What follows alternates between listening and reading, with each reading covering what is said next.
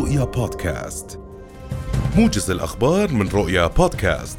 أعلن المركز الوطني لإدارة الأزمات اليوم أنه سيتم إعطاء الجرعة الأولى من اللقاح الواقي من فيروس كورونا للراغبين من طلبة المدارس اعتبارا من يوم غد.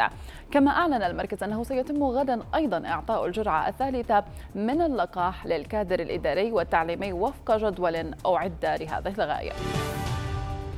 كشفت دائرة الثقافة والسياحة في أبو ظبي. عن القائمة الخضراء المحدثة للمسافرين القادمين إلى أبو ظبي لتخفيف إجراءات السفر مع الالتزام بالبروتوكولات المعتمدة لضمان صحة وسلامة الجميع.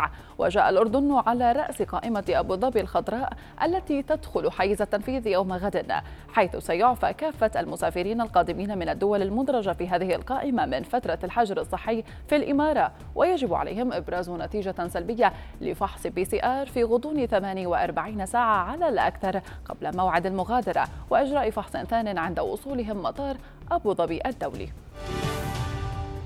قال رئيس النقابة العامة لأصحاب محلات تجارة وصياغة الحلي والمجوهرات ربحي علان اليوم إن أسعار الذهب في الأردن تتأثر بالظروف السياسية والاقتصادية العالمية. وأضاف علان في حديث لرؤيا أن جائحة كورونا كان لها تأثير كبير على أسعار الذهب.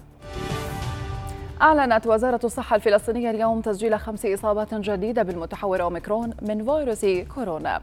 وقال المتحدث باسم الوزارة كمال الشخرة في بيان إن عدد الإصابات في فلسطين بالمتحور ارتفع إلى 23 إصابة في مختلف المحافظات.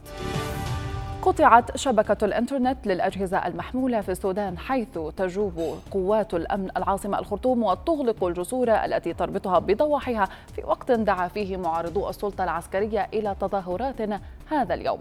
وسيحرم الناشطون الذين ينظمون صفوفهم أو يبثون صورا حية لمسيراتهم عبر الإنترنت من الوصول إلى شبكات التواصل الاجتماعي في إجراء اعتاد عليه السودانيون منذ حوالي شهر تقريبا.